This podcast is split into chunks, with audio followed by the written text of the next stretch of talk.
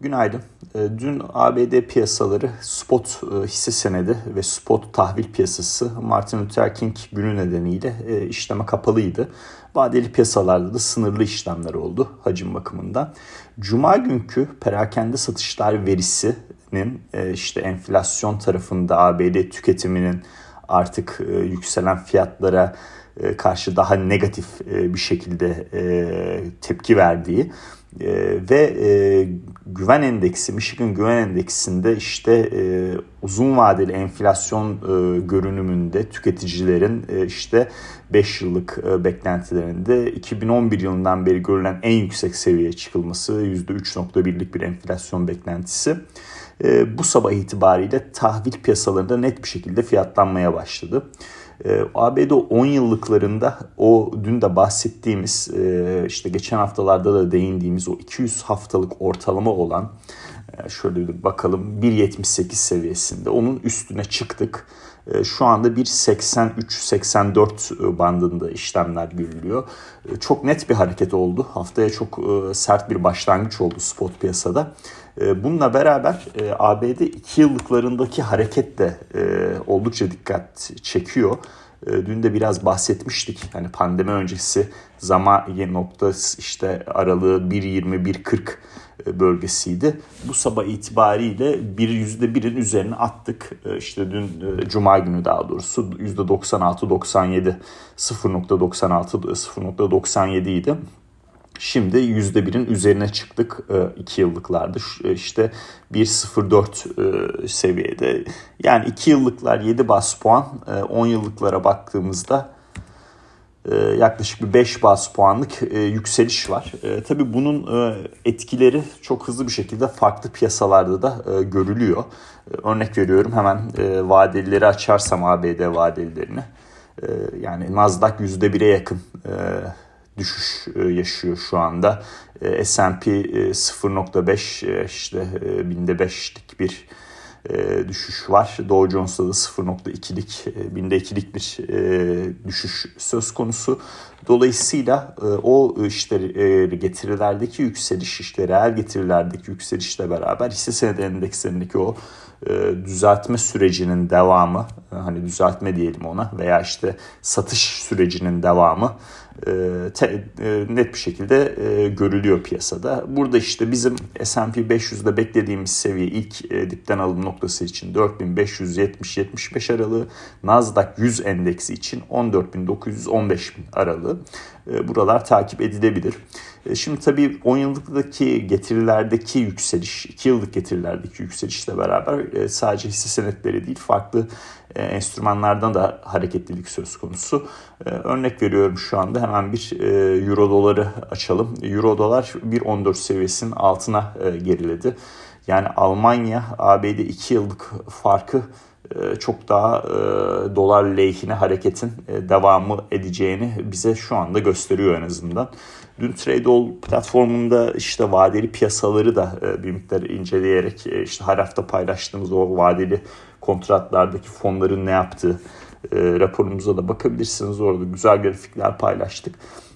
Yani vadeli piyasalarda da işte geçen hafta salı gününe kadar e, euro pozisyonlardaki e, çözülmeler yani net short şu anda euro e, açıkçası spotun gösterdiği seviyenin den ya daha böyle çözülmeler hafif olmuş. Yani spot 1.14'ün üzerine gittiğinde net shortların 40-45 bin kontrat bandında olması mantıklı olabilirdi ama şu anda hala 50 bin kontratın üzerinde shortu var. Dolayısıyla bu e, gidişatın da kalıcılığı bir miktar e, herhalde e, e, yukarı euro hareketinin yukarı gidişatında kalıcılığı bir miktar e, piyasada test e, edilecektir diye düşünüyorum. E, 10 yıllık ve 2 yıllık ABD getirindeki yükseliş hareketinin devamıyla. E, yani dolar endeksine bakarsak e, hani günlük grafikte 50 günlüğünden çok güzel e, bir şekilde destek bularak yükseliyor. Yani o pardon 50 günlük diyorum 100 günlüğünden 50 günlüğü 95.9 seviyesinde yani buraya doğru bir hareket bu hafta içinde en azından e, göreceğimizi e, düşünüyorum.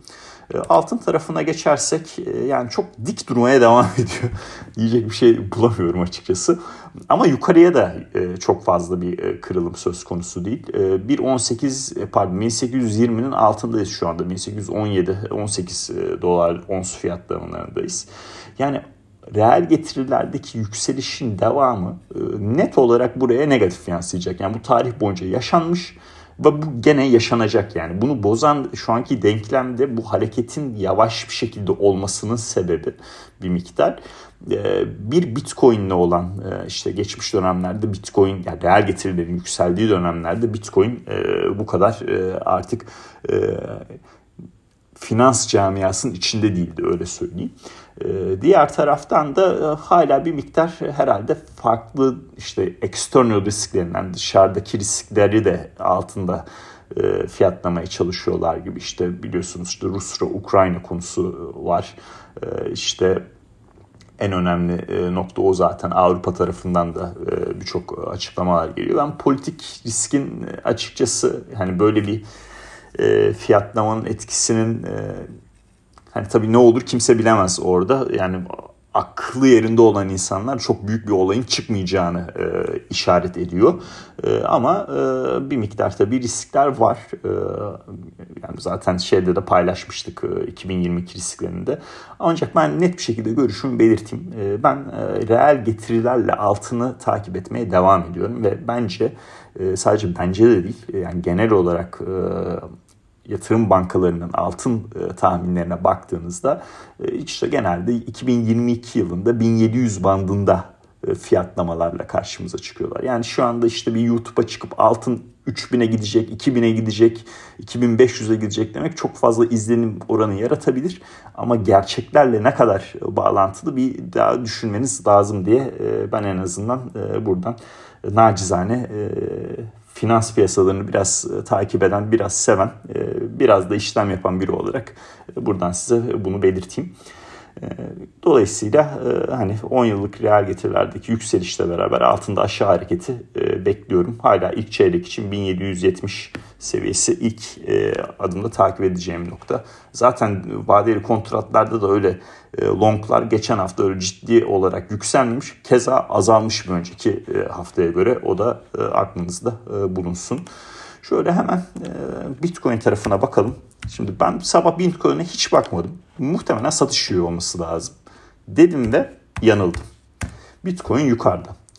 42 bin e, yani en azından artıdı şu anda. 42 bin ama dün tabi dün işlemlerde bakalım.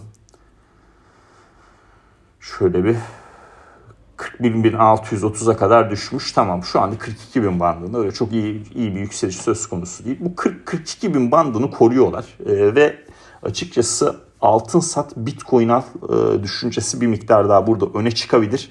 E, hani e, getiriler yükselirken artık bu 40-42 bandının korunuyor olması yani altınla kıyasladığımda çünkü yani bitcoin e, Kasım tepesinden e, ne kadarlık bir düşüş yaşamış onu yüzdesi olarak size söyleyeyim.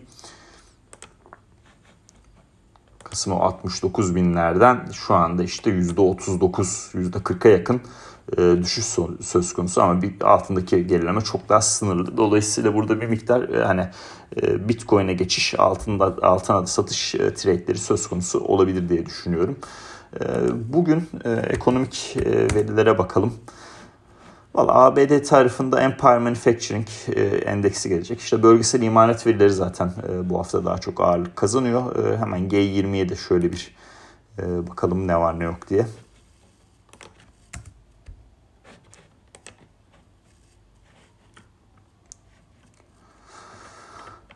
Şimdi birazdan e, Boj'un kararına değineceğim. E, AB, Almanya'da ZIV e, işte iş endeksleri, beklentileri söz konusu.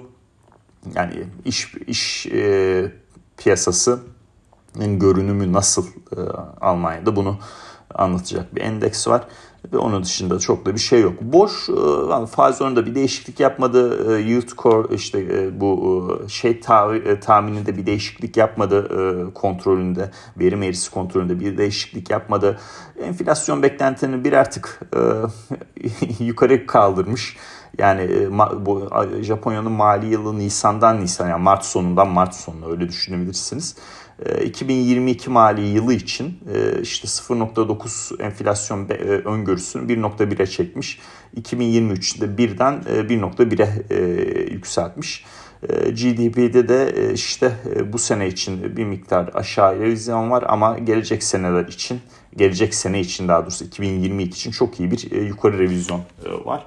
Yani özetlemek gerekirse e, bu veri seti e, yani Borj'un da yaptığı açıklamalar oldukça e, yani o güvercin bir durumda borcun devam edeceğini bize işaret ediyor. 10 yıllıklardaki yükselişe bağlı olarak da zaten 10 yıllık ABD tahvillerindeki yükselişe bağlı olarak ve Burcu'nun da oldukça güvercin açıklamalarıyla e, USD-CP'de de yükseliş e, bugün e, net bir şekilde görüldü.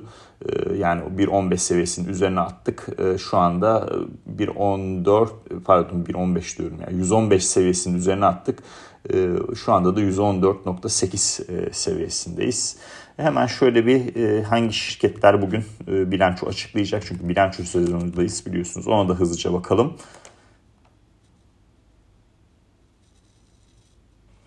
Şöyle S&P genelde ben S&P'den e, bakıyorum. E, bazen Nasdaq Nasdaq yüzü kullanıyorum.